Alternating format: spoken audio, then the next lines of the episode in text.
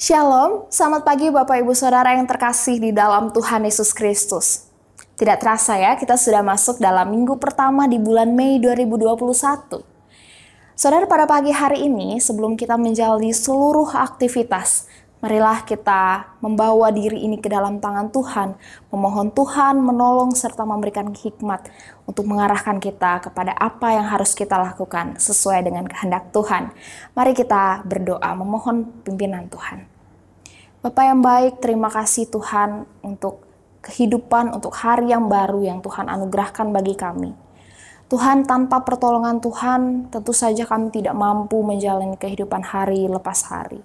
Maka pagi hari ini kami kembali datang kepada Tuhan, kembali memohon pertolongan serta pimpinan tangan Tuhan. Kami lemah, kami terbatas, kami sering kali jatuh dan gagal. Oleh sebab itu biarlah kebenaran firman Tuhan itu menjadi pandu di dalam kehidupan kami. Bapak yang baik, kiranya Engkau menolong kami tidak hanya untuk memahami firman-Mu, tetapi juga untuk melakukannya di dalam kehidupan kami.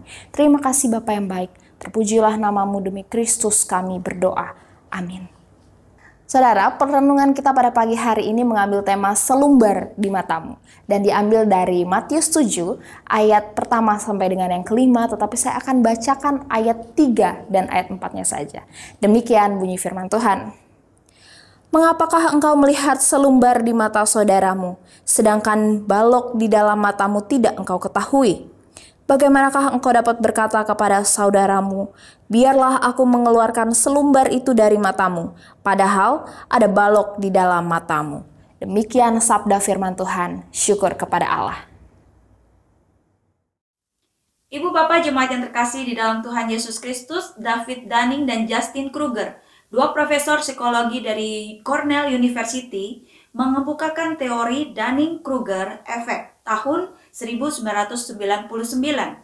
Dunning-Kruger Effect merupakan fenomena dalam psikologi yang dapat didefinisikan sebagai bias kognitif di mana seseorang keliru menilai kemampuan yang dimiliki diri sendiri.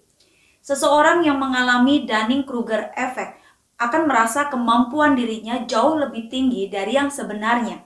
Bias ini dikaitkan dengan ketidakmampuan metakognitif untuk mengenali kemampuan dirinya sendiri. Orang yang mengidap efek ini percaya bahwa dirinya lebih pintar dan lebih mampu daripada kenyataannya.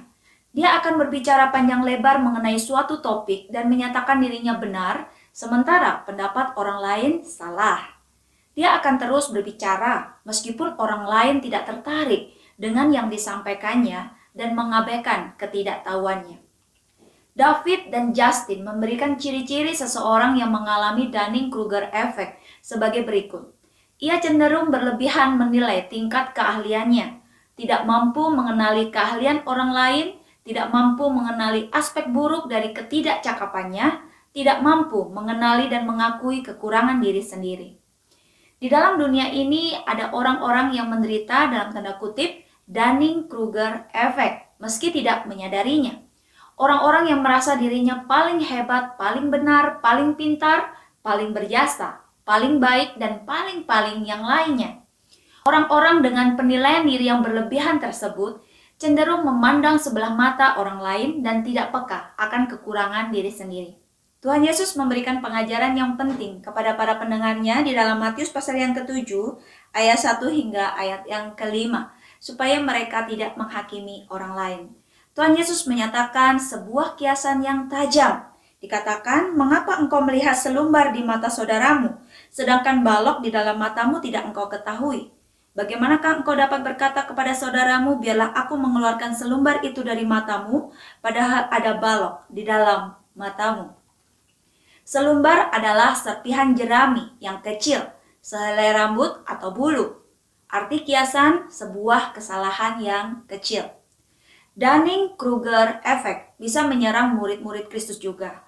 Oleh karena itu, kesadaran diri dan kewaspadaan hati menjadi benteng utama bagi setiap kita untuk terhindar dari menghakimi orang lain.